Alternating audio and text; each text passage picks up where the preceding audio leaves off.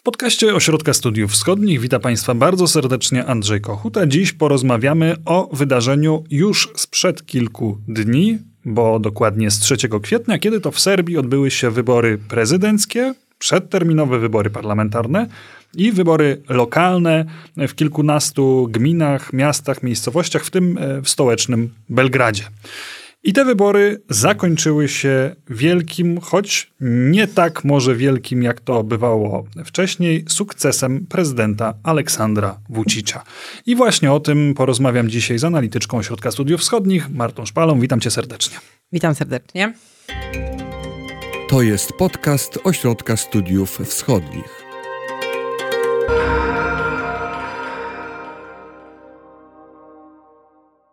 No to zacznijmy od wyników e, tych wyborów. E, Aleksander Vucic w wyborach prezydenckich zapewnił sobie reelekcję już w pierwszej turze. W wyborach parlamentarnych aż tak dobrze nie było. Oczywiście jego lista wyborcza, na której znalazła się również jego partia, otrzymała najwięcej głosów, ale to jednak zdecydowanie mniej niż było e, w 2020, zdaje się. To prawda, natomiast te wybory w 2020 były bardzo specyficzne, ponieważ były to wybory, które zostały zbojkotowane przez opozycję, e, więc e, można powiedzieć, e, że po tych wyborach mieliśmy parlament, w którym nie było opozycji.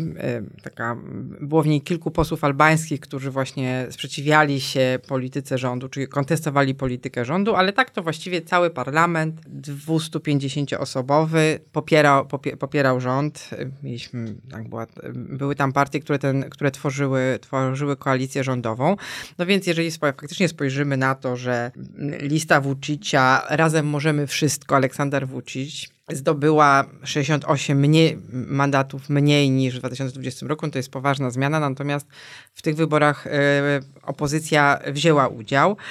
I właśnie dlatego te wybory były przedterminowe, bo to też warto się, wa, warto przemyśleć, czemu, czemu akurat przedterminowe. To jest jednak taka metoda y, konsolidacji obozu władzy w samej Serbii. Prezydent Aleksander Vucic, który rządzi Serbią od 2012 roku, świetnie sprawdza się w kampaniach wyborczych i bardzo lubi ten tryb tryb, e, tryb e, kampanijny, więc tych wyborów przedterminowych mamy bardzo dużo w ostatnich latach w samej Serbii. No i też trzeba powiedzieć, że powody dla, dla zwołania tych, e, rozpisanie przedterminowych wyborów było, były dwa. Znaczy przede wszystkim, szczególnie na Zachodzie to bardzo źle wyglądało, że mamy taki jednomyślny parlament.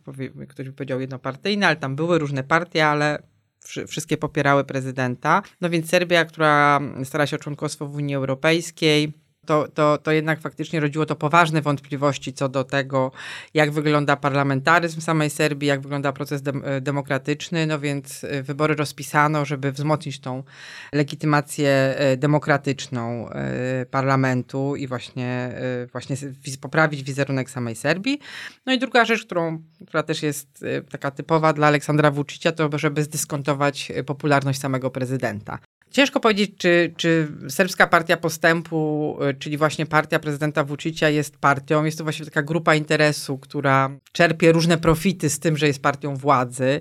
I to to łączy wszystkich ludzi, którzy tworzą tą partię, to właśnie to, że za tym idą właśnie czy kontrakty dla rodziny, czy, czy jak, jakieś lukratywne, czy właśnie jakieś e, po, dobre pozycje w spółkach Skarbu, Skarbu Państwa, czy, czy spółkach, e, spółkach publicznych. Jest to taka partia, jeżeli spojrzymy ideologicznie, to tam są naprawdę bardzo bardzo różni ludzie. Można powiedzieć, że to jest taka catch-all party, ale tak naprawdę to jest partia, gdzie są na przykład bardzo, bardzo e, skrajni nacjonaliści y, typu minister spraw wewnętrznych Aleksander Wulin, który propaguje taką ekspansywną politykę Serbii, jednoczenie se, wszystkich Serbów w, jednym par w jednej partii w ramach koncepcji serbskiego świata, ale jest na przykład też minister infrastruktury Zorana Mihajlowicz, która jest po prostu bardzo proeuropejska. No więc Czyli wszystkie... różne światopoglądy, w dodatku e, mocne takie powiązania klientelistyczne. Tak. I taka jest e, ta, ta partia e, Aleksandra Vucicza. A czy sam Aleksander Vucic po tej dekadzie u władzy ma swoim rodakom jeszcze coś do zaoferowania? O czym była ta kampania wyborcza? Kampania wyborcza była o Aleksandrze Vuciciu. czyli sprawdził się przez te czyli 10 sprawdził się i wciąż jest najpopularniejszym politykiem, e, politykiem w samej Serbii. W wyborach otrzymał 50, prawie 59% głosów. Hasło kampanii było jedno, mir i stabilność, czyli pokój i, pokój, pokój i stabilność. Znaczy, jeden jest taki bardzo silny element y, kampanii wyborczej, ale w ogóle wizerunku prezydenta Aleksa, Aleksandra Vučića to jest wizerunek ojca sukcesu gospodarczego Serbii. I to jest coś, na czym Aleksander Vučić bardzo mocno buduje jak to przez zawsze wszyscy politycy lubią przed kampanią wyborczą otwierać nowe fabryki, drogi i różnego rodzaju inwestycje.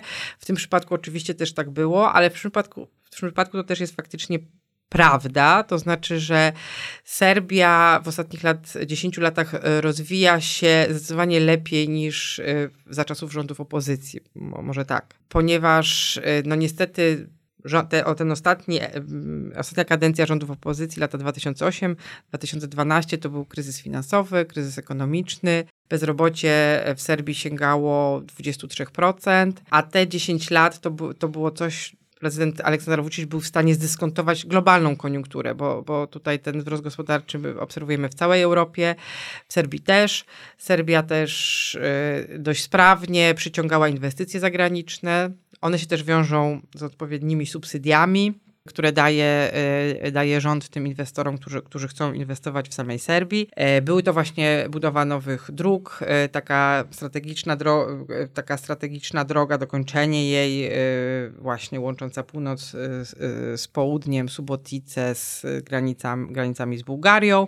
Także nowa, no, nowy szlak, który jest wytyczany z Belgradu do Czarnogóry. No i oczywiście szybka linia kolejowa, którą tydzień przed wyborami otworzono jej jeden odcinek odcinek łączący Belgrad z Nowym Sadem. Właśnie... I to rozumiem, że tą linią kolejową jechał Vucic, wrzuciłaś kiedyś na Twittera taki film, gdzie on machał tłumom, tylko tłumów nie, nie było.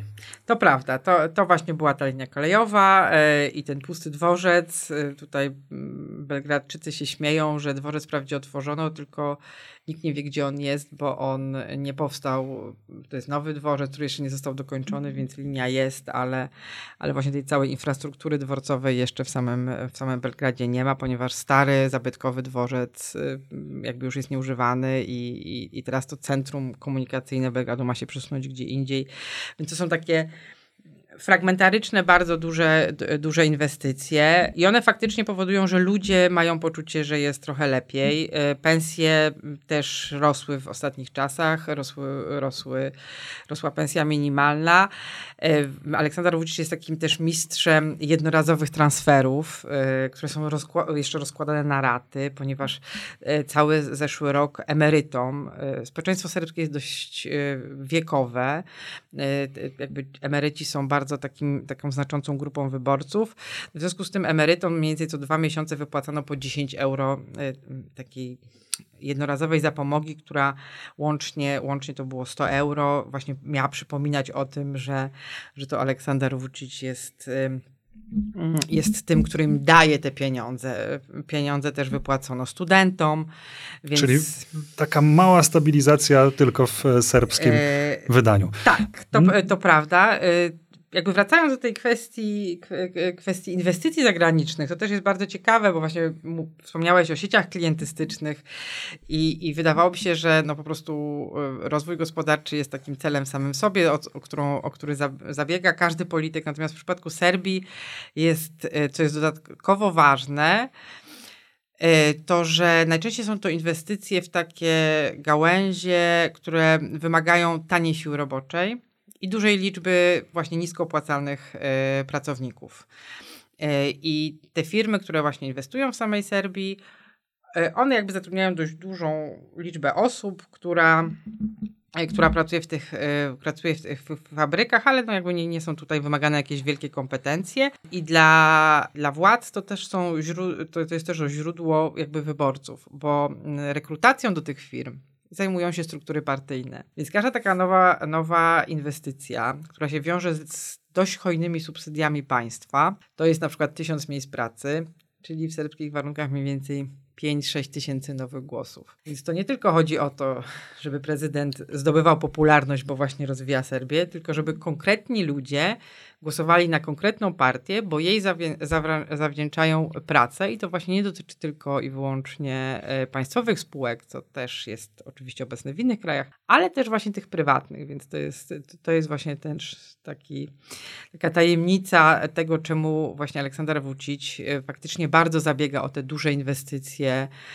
w takich sektorach, gdzie ta wartość dodana jest, czy innowacyjność produkcji nie jest, e, nie jest zbyt duża, natomiast potrzebują te firmy dużej ilości pracowników. I to jest, jak rozumiem, ta cała, ten cały komponent gospodarczy, ta stabilność z wyborczego hasła. To porozmawiajmy o pokoju, bo rozumiem, że chodzi tutaj o temat wojny na Ukrainie również. E, to prawda. Rozmawialiśmy o tym e, w, w poprzednim podcaście i wydawało się, gdy wojna na Ukrainie wybu wybuchła, że to będzie bardzo trudne y, dla samego prezydenta Aleksandra Vucicia. E, przede wszystkim dlatego, że Aleksander Vucic sam w ostatnich latach budował sobie prorosyjskiego wyborcę.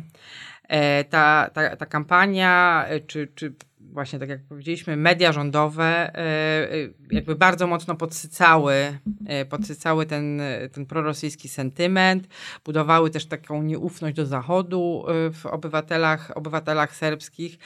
Więc tutaj tuż przed samymi wyborami wydawałoby się, że, że Aleksander Vucic jest trochę w pułapce z jednej strony ma naciski Zachodu na to, żeby się przyłączył do sankcji, pokazał, gdzie leży Serbia, czyli na Zachodzie, a z drugiej strony, no ci wyborcy, którzy jednak domagają się po prostu jakiegoś wsparcia że tak powiem, matki Rosji, tak, czyli tego największego sojusznika, yy, sojusznika Serbów. I okazało się, że jednak Aleksander Vucic z tego wybrnął i nawet to zdyskontował jakby dla własnej, własnej korzyści. Wydaje się, że jednak przekonał Zachód, żeby nie za bardzo naciskał na to, żeby się przyłączył, przyłączył do sankcji, więc dotrwaliśmy do wyborów.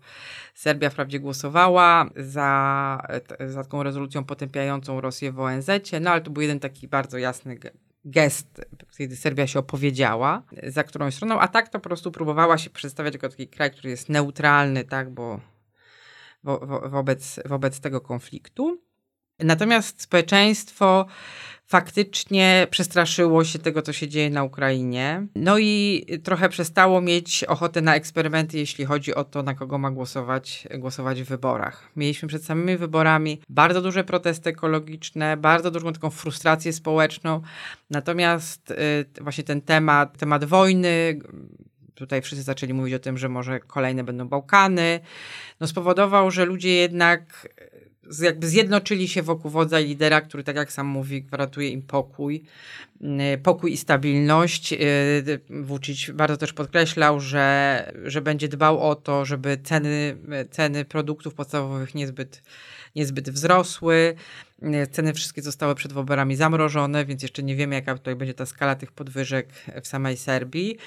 Natomiast powiedział, że gwarantuje to, że będzie benzyna, będzie tani gaz, że, że ja jako po prostu dobry lider, y, ojciec narodu, będę dbał o to, żeby mm, nic wam nie zabrakło i nic wam nie groziło. Więc, y, więc faktycznie to poparcie wydaje się, taka mobilizacja tego sfrustrowanego elektoratu po prostu zdecydowanie przygasła.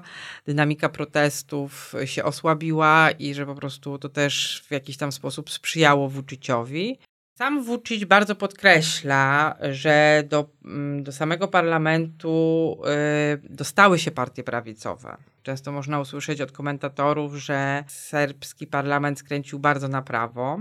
No i teraz y, są jakby, możemy to trochę spróbować zdekonstruować. Czy to faktycznie tak jest, że, że, że Serbowie skręcili na prawo? To znaczy, faktycznie w samej Serbii jest mniej więcej 450 tysięcy wyborców. E, dla których e, Aleksander Vucic no jest zdecydowanie zbyt mało prorosyjski, zbyt mało patriotyczny, zdradza interesy narodowe. To, jest, to, są, to właśnie, są właśnie ci wyborcy tych, e, tych skrajnych partii. Oni w zeszłych wyborach właściwie nie poszli głosować, albo te głosy się rozdrobniły było bardzo dużo takich właśnie partii, partii prawicowych, nowych, starych i po prostu one wszystkie niestety nie znalazły się, e, się ponad tym progiem 3%, a w tym roku dostały się do parlamentu. Wydaje się, że też trochę władze bardzo pomogły wypromować te niektóre partie bo w publicznych mediach właściwie taka prawdziwa opozycja raczej jest, raczej, raczej w, tych, w, tych, w tych mediach nie występuje. Natomiast akurat, ci prawicowi politycy właśnie bardzo często w nich występowali. No i one właśnie tak zebrały te mniej więcej 14% głosów, które zawsze takie, takie, takie ugrupowania w Serbii, mm, w Serbii zyskują. Natomiast no pewnie wrócimy w, pewnym momencie do tego tematu, po co one są w Serbii, dlaczego akurat Aleksander Vucic stwierdził, że te głosy takie właśnie bardzo prawicowe trzeba jakoś zagospodarować i to fajnie, żeby wyborcy głosowali akurat na e, te konkretne partie. No myślę, że jeszcze rzeczywiście porozmawiamy o tym, jak te wybory przebiegały i dlaczego tak, a nie inaczej, ale pozostańmy jeszcze chwilę przy tych kwestiach, które zadecydowały o sukcesie Vucicia i które były istotne w kampanii. Było trochę o Rosji, ale też Chiny były ważnym komponentem tej ostatniej, tych ostatnich kilku lat polityki serbskiej. Chiny, Chiny to jest taki w ostatnich latach jeden z najbliższych, polity, e, z najbliższych polity, e, sojuszników, e, sojuszników Serbii, który powoli jakby odsuwa na dalszy plan Rosję, mm, dlatego że powiedziałam, e, łaska rosyjska na pstrym koniu jeździ. To znaczy, że faktycznie obydwa prezydenci obydwu krajów, e, elity polityczne bardzo często mówią o tej przyjaźni, sojuszu, właśnie bliskiej współpracy. Jeżeli się bardziej przyjrzymy, to do, jakby wejdziemy głębiej w szczegóły tej współpracy, to się okazuje, że mm, jak jest to bardzo taka współpraca transakcyjna i kiedy Serbia coś dostaje od Rosji, to musi za to jakby bardzo wysoką cenę zapłacić yy, i że to, to właśnie to poparcie nigdy nie jest takie bezinteresowne i za darmo. Natomiast no, kwestia jakby Aleksandra, Aleksandra Vucicia też jest to, jest, to jest bardzo ciekawe.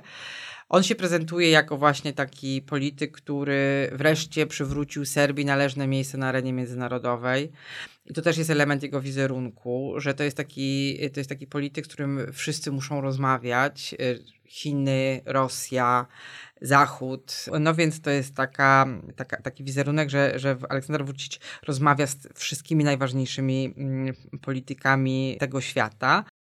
No i to jest właśnie, to, to jest właśnie Aleksander Vucic, który właśnie przez taką umiejętną politykę balansowania i trzeba mu przyznać, że tutaj jest bardzo skuteczny, można powiedzieć, że ma taką pozycję, że dla wszystkich jest niewygodny, ale nie jest w stanie go obalić. Bo też tutaj krążą takie dyskusje o tym, że Rosja jest bardzo sfrustrowana, jeśli chodzi o prezydenta Vucicia, że dużo obiecał, miała być pogłębiona współpraca wojskowa, miało być, y, miał być specjalny status dla Centrum Humanitarnego w Niszu. Y, to jest takie centrum rosyjskie, które formalnie jest centrum humanitarnym, ale wszyscy podejrzewają, że jest trochę centrum szpiegowskim. E, miało być tutaj właśnie e, jakieś inwestycje, wpuszczenie Rosjan głębiej w serbski rynek, to nic, się, nic, nic, nic takiego się nie, się nie wydarzyło. Podobnie jest też na Zachodzie, gdzie tutaj e, Aleksander Vucic został wyniesiony czy wspierany mm, jak w momencie, kiedy dochodził do władzy jako taki reformator wielki, który zapewni Serbii szybkie wstąpienie do Unii Europejskiej, który zgodnie z oczekiwaniami Zachodu załatwi sprawę Kosowa.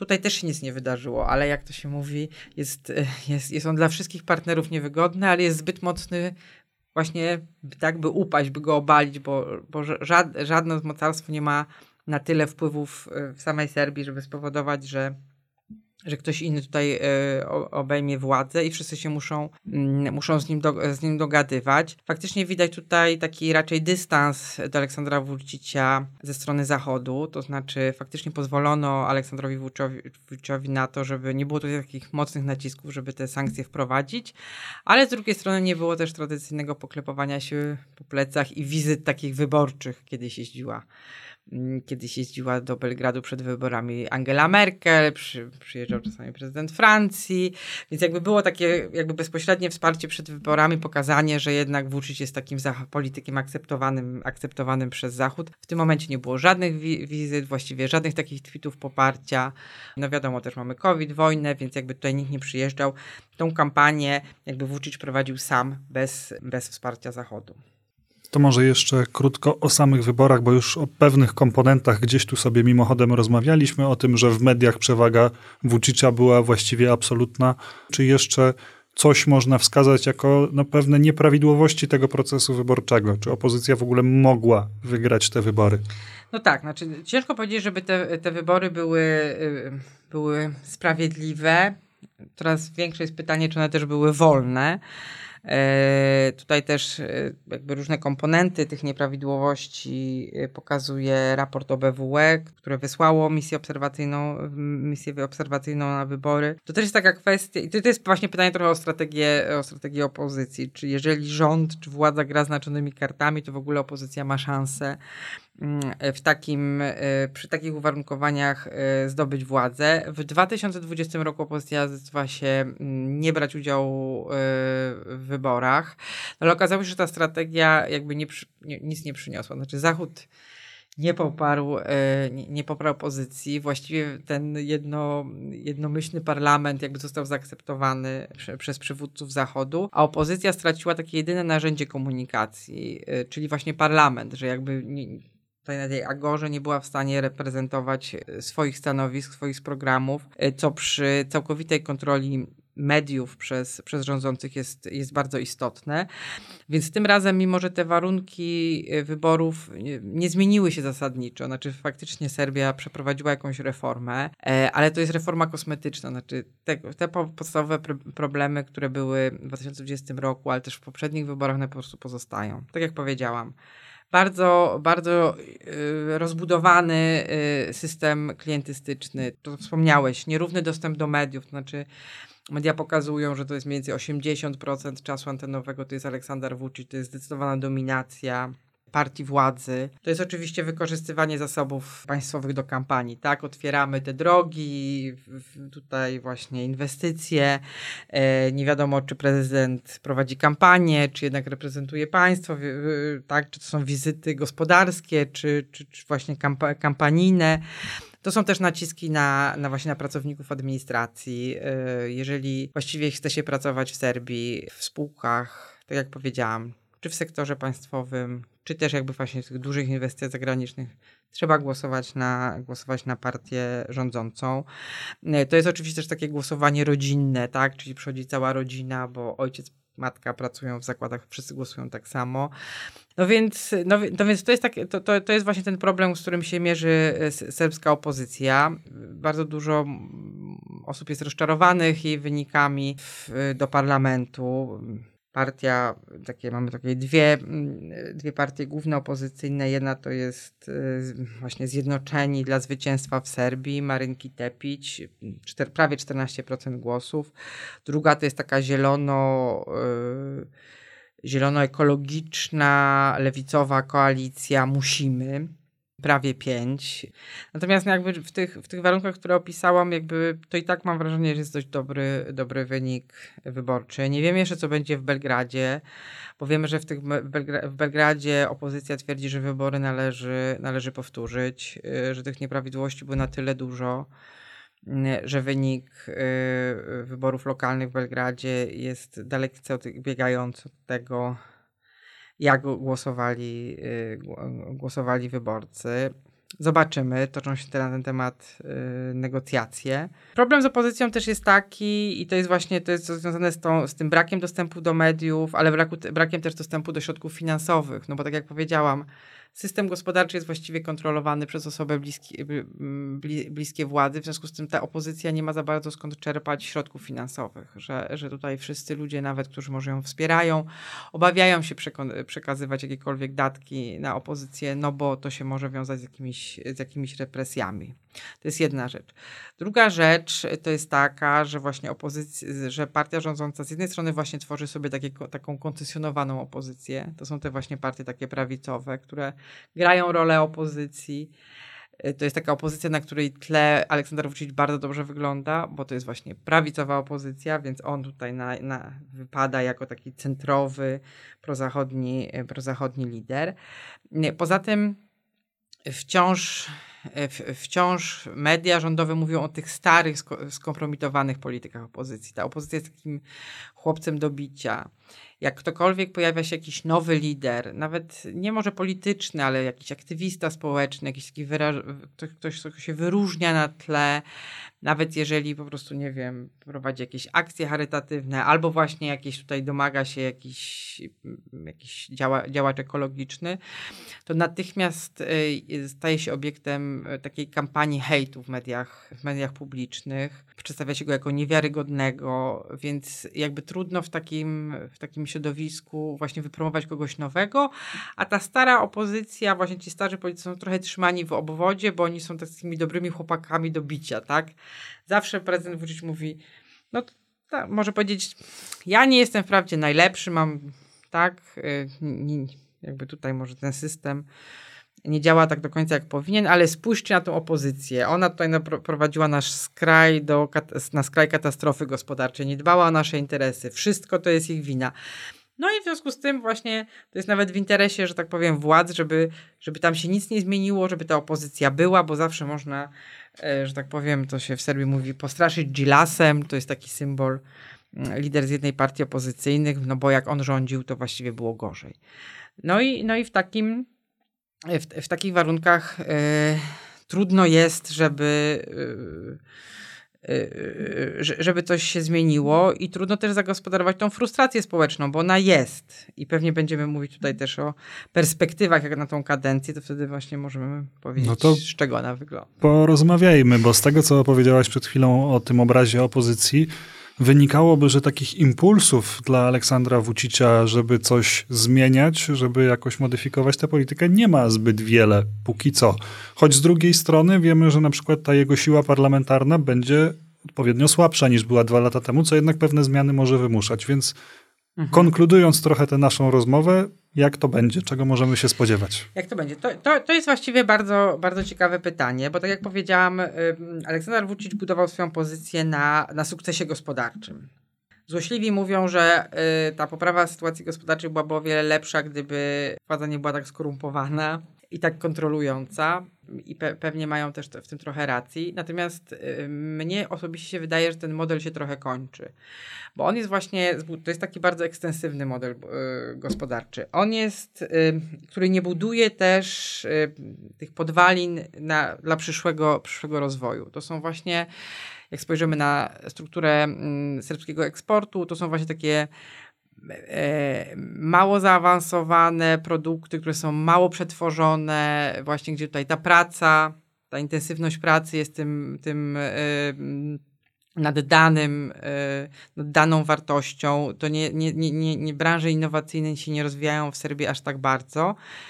No bo to też jest trochę ryzykowne, tak? Znaczy, jeżeli zakładamy, że rzesza słabo opłacanych pracowników jest, są, jest jakby tym, tą pulą wyborczą Aleksandra Vucicia, to aktywni, młodzi, y, innowacyjni przedsiębiorcy mogliby się domagać zmian i trochę innego prowadzenia, y, prowadzenia jakby państwa, tak? I zresztą to widać, tak? Że, że Belgrad, Nowy Sad, tam gdzie właśnie mamy trochę takiego biznesu, który nie jest uzależniony od władzy, no to tam są protesty, tam ludzie wychodzą na ulicę, tam opozycja, to są bastiony opozycji. No i założenie jest takie, że jeżeli będziemy rozwijać właśnie sektor IT, wszystkie kraje lubią się tym chwalić, natomiast w Serbii tak naprawdę tego wsparcia dla sektora IT nie ma. Właśnie dlatego, że, to, że jest to właśnie rzesza niezależnych ludzi z dobrymi dochodami, którzy jeszcze mają trochę czasu, żeby zajmować się patrzeniem władzy na ręce. No a to jakby może e, jakby w jakiś tam sposób osłabiać tą dominującą e, pozycję Vucicia. E, druga sprawa to są właśnie takie bardzo, ba, powiedziałabym, że to jest taki trochę model, którego, który trochę znamy z takich, powiedziałabym, państw komunistycznych, tak? To są takie wielkie inwestycje, drogi, mosty, wielkie kopalnie i przemysł ciężki. Więc jakby może pamiętamy to trochę ze starych czasów. Mm, I tak też jest w Serbii. Znaczy Serbia właśnie otwiera nowe kopalnie. To są e, kopalnie na wschodzie Serbii. E, tam dominują chińskie przedsiębiorstwa, e, które eksploatują miedź, cynk, złoto, srebro. To są takie złoto, tam są bardzo bogate złoża. Mamy też takie duże projekty budowy kopalni litu na zachodzie Serbii. I to, budu, to, nie, to budzi wielki, pro, wielkie protesty, protesty społeczne. To jest to właśnie hasło tych protestów opozycji czy protestów ekologicznych. Serbia nie jest na sprzedaż. To znaczy, że właśnie że Vucic buduje swoją pozycję przez to, że wyprzedaje to, co Serbia ma cennego, czyli rudy różne. Te rudy są wydobywane w sposób y, jakby bardzo zagrażający środowisku naturalnemu. Tutaj po prostu te, te duże huty, huta Smederewo, y, to się wiąże po prostu z, z zatruwaniem powietrza, z, nie ma filtrów, nie ma te regulacje regulacje nie są, nie są przestrzegane dotyczące ochrony środowiska. Można powiedzieć, że to dotyczy tylko, nie tylko zachodu, nie tylko wschodu, ale też zachodu, że Serbia staje się takim trochę, no może nie śmietnikiem Europy, ale takim obszarem, gdzie zrzucamy ten właśnie, ten taki brudny przemysł, tak? E, no i Serbowie coraz bardziej, e, coraz bardziej protestują. Protestują, e, mamy takie ruchy ekologiczne bardzo prawicowe, które właśnie pokazują to, że to, co Serbowie mają najcenniejszego, to właśnie ziemia, przyroda, rolnictwo. A, a ten ekstensywny rozwój gospodarczy, ekspansywny rozwój gospodarczy, on po prostu zagraża temu, co jest właśnie taką solą, solą, solą serbskości. E, no i to jest pytanie właśnie, co dalej. A tutaj właśnie nie ma takiego pomysłu na to, jak tą Serbię rozwijać, jak ją przygotowywać na, na wyzwania e, przyszłości. Więc to powiedziałabym będzie dość trudna kadencja, tym bardziej, że już wiemy, że, że jednak będziemy mieli bardzo dużo trudności związanej, zwią związanej z, z, konfliktem na Ukrainie.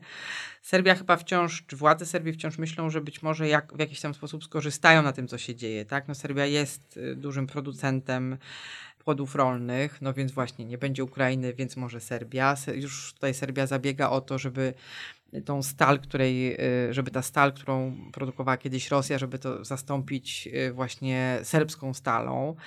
E, Serbia właśnie nie chce wprowadzać sankcji, więc że tutaj może będzie jakimś takim pośrednikiem między wschodem i zachodem i że, że to w jakiś tam sposób y, uratuje, uratuje Serbię. Natomiast Starzeje się infrastruktura serbska. Mieliśmy duże katastrofy w sektorze energetycznym, czy katastrofy, czy awarie, które spowodowały, że w tym roku w pewnym momencie bez prądu była jedna trzecia serbskich odbiorców.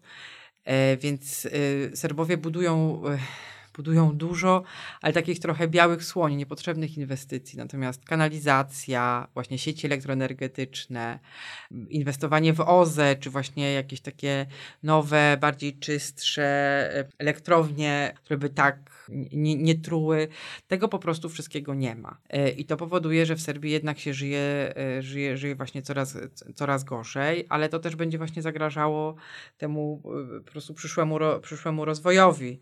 Więc to pod tym względem będzie na pewno trudna kadencja dla Vucicia. Jak z jednej strony pogodzić te jednak coraz większe aspiracje serbskiego społeczeństwa, bo wiemy, że też Y, jakby protesty nie wybuchają wtedy, kiedy ludziom jest bardzo źle, tylko wtedy jest trochę lepiej, a Serbiom się właśnie jakby teraz trochę poprawiło. Wreszcie Serbowie mają poczucie, że po tych, tych trzech dekadach, jakby bardzo trudnych, dwóch dekadach, 90., 2000 jest lepiej. A teraz przyszła wojna, no i jakby właśnie zobaczymy, zobaczymy co dalej. I tutaj wydaje mi się, że w serbskim systemie nie ma dużo takich bezpieczników, którzy, które spowodują, że, że, że, że przez ten trudny czas Serbia będzie przechodziła jakąś takim, taką suchą nogą. No, no jakby pytanie jest jeszcze, co, co po wyborach będzie z tą polityką e, balansowania. E, faktycznie widzimy, że, że Aleksander Vucic zmienił lekko, zmienił lekką swoją e, narrację. E, już po prostu w pierwszym tygodniu po wyborach bardzo jasno powiedział, że nie jesteśmy neutralni ani politycznie, ani wojskowo, bo leżymy na zachodzie. No i to już taka jasna deklaracja. Przypomniał także, że Rosja wprowadziła sankcje wobec Jugosławii, e, czego Serbia nigdy nie zrobi. Widzimy też zmianę narracji w mediach rządowych, że ona coraz bardziej zaczyna pisać o tym i coraz jaśniej i dobitniej e, pisać o zbrodniach, które Rosjanie dokonują na Ukrainie. To też jest przygotowywanie społeczeństwa na taki pewien, e, pewien zwrot. E, I faktycznie, że jakby Vucic będzie kontynuował tą politykę balansowania, tylko to będzie już teraz nie tak jak kiedyś było Niemcy, Rosja, tylko Francja, Chiny. E, Chin, już mieliśmy taki e, dość symptomatyczny tweet rzecznika MSZ-u chińskiego, e, która przypomniała, że Serbia zawsze może liczyć na Chiny, jeśli chodzi o ochronę integralności terytorialnej Kosowa. To jest jasnym, jasnym sygnałem, że nawet jeżeli Serbia będzie pod mocnym naciskiem Zachodu, zmuszona e, wprowadzić sankcje wobec Rosji, czy te, te, czy te relacje z Rosją jakby ulegną pewne, pewne, pewnemu osłabieniu, to zawsze tam mamy Chiny, e, które dla, dla Serbii są bardziej wygodnym, wy, wygodnym sojusznikiem niż Rosja. No właśnie, bo, bo to są konkretne kredyty, za które Serbia się rozwija. Większość tych projektów infrastrukturalnych to właśnie są pieniądze, y, które gwarantuje y, Chi, y, gwarantują Chiny. Chiny też coraz bardziej pogłębiają współpracę militarną z Serbią. Serbia dostała ostatnio systemy obrony przeciwlotniczej FK-3 z Chin. Od lat Belgrad zabiegał o to, żeby dostać systemy S-300 albo S-400 z Rosji. Rosjanie nigdy ich Serbom nie sprzedali nie chcieli zejść sceny, dla, dla Serbii one były za drogie, a teraz się okazało, że właśnie jak od Rosji nie, to, to jednak, e, to jednak yy, od Chin. Kiedyś Serbowie stawiali przede wszystkim mm, na Niemcy i Angelę Merkel. To był taki tandem Vucic-Angela Merkel. Angela Merkel często chroniła Vucicia przed krytycyzmem. Teraz już wiemy, że tak, rząd w, w Niemczech się zmienił. Mamy po prostu zielonych, bardzo krytycznych wobec niedemokratycznych praktyk Vucicia. E, w rządzie, więc tutaj Paryż zastępuje z kolei na zachodzie Niemcy. Paryż jest bardziej pragmatyczny, bardziej transakcyjny, nie przywiązuje takiej wagi do, do, do praw człowieka, więc nie wypomina, nie wypomina tych problemów e, z demokracją Serbii. A też e, właśnie takim symbolem właśnie tego balansowania możemy uznać, że jest właśnie metro w Belgradzie, które będzie budowało konstrukcją chińsko-francuskie. Natomiast jeśli chodzi właśnie o arenę y, jakby y, międzynarodową, y, to Vucic będzie się pozycjonował jako, tak, jako taki polityk, który gwarantuje zachodnią e, orientację Serbii. I po to właśnie mu były te prawicowe partie w parlamencie, no bo właśnie to jest taka groźba, szantaż wobec Zachodu, że jak nie będziecie mnie wspierać, no to widzicie, tutaj rośnie, rośnie nam, e, rosną nam prawicowe partie i tylko ja gwarantuję, że one nie dojdą do władzy i że Serbia będzie wciąż, e, wciąż e, prozachodnia. A zarazem sam Vucic będzie, będzie się prezentował jako gwarant stabilności na Bałkanach. Więc będzie, jeżeli, jeżeli te naciski Zachodu, znaczy tak, myślę, że taka, taka, taka będzie taka strategia negocjacyjna, że z pewnych rzeczy, pewnych rzeczy nie możemy zrobić, szczególnie jakoś takich jawnie wrogich działań w, w stosunku do Rosji. Natomiast możemy pomóc stabilizować Bośnię, ewentualnie możemy ustąpić w kwestii Kosowa. To my tu jako gwarantujemy stabilność w tym regionie, żeby, żeby te elementy, powiedziałbym, y, różne y, serbskie mniejszości nie destabilizowały y, całej sytuacji i to jest taka oferta w uczucia wobec Zachodu. Stabilność. Bardzo Ci dziękuję za rozmowę. Marta Szpala była gościem podcastu Ośrodka Studiów Wschodnich. Państwu oczywiście również bardzo dziękuję za uwagę. Wiele uwagi naszej będziemy poświęcać również Serbii, dlatego warto śledzić nasze podcasty, nasze wideo na YouTubie, a także analizy na stronie Ośrodka Studiów Wschodnich. Te analizy na temat wszystkich państw, którymi ośrodek się zajmuje, pojawiają się niemal codziennie. Ja nazywam się Andrzej Kochut i bardzo dziękuję Wam za uwagę. Do usłyszenia.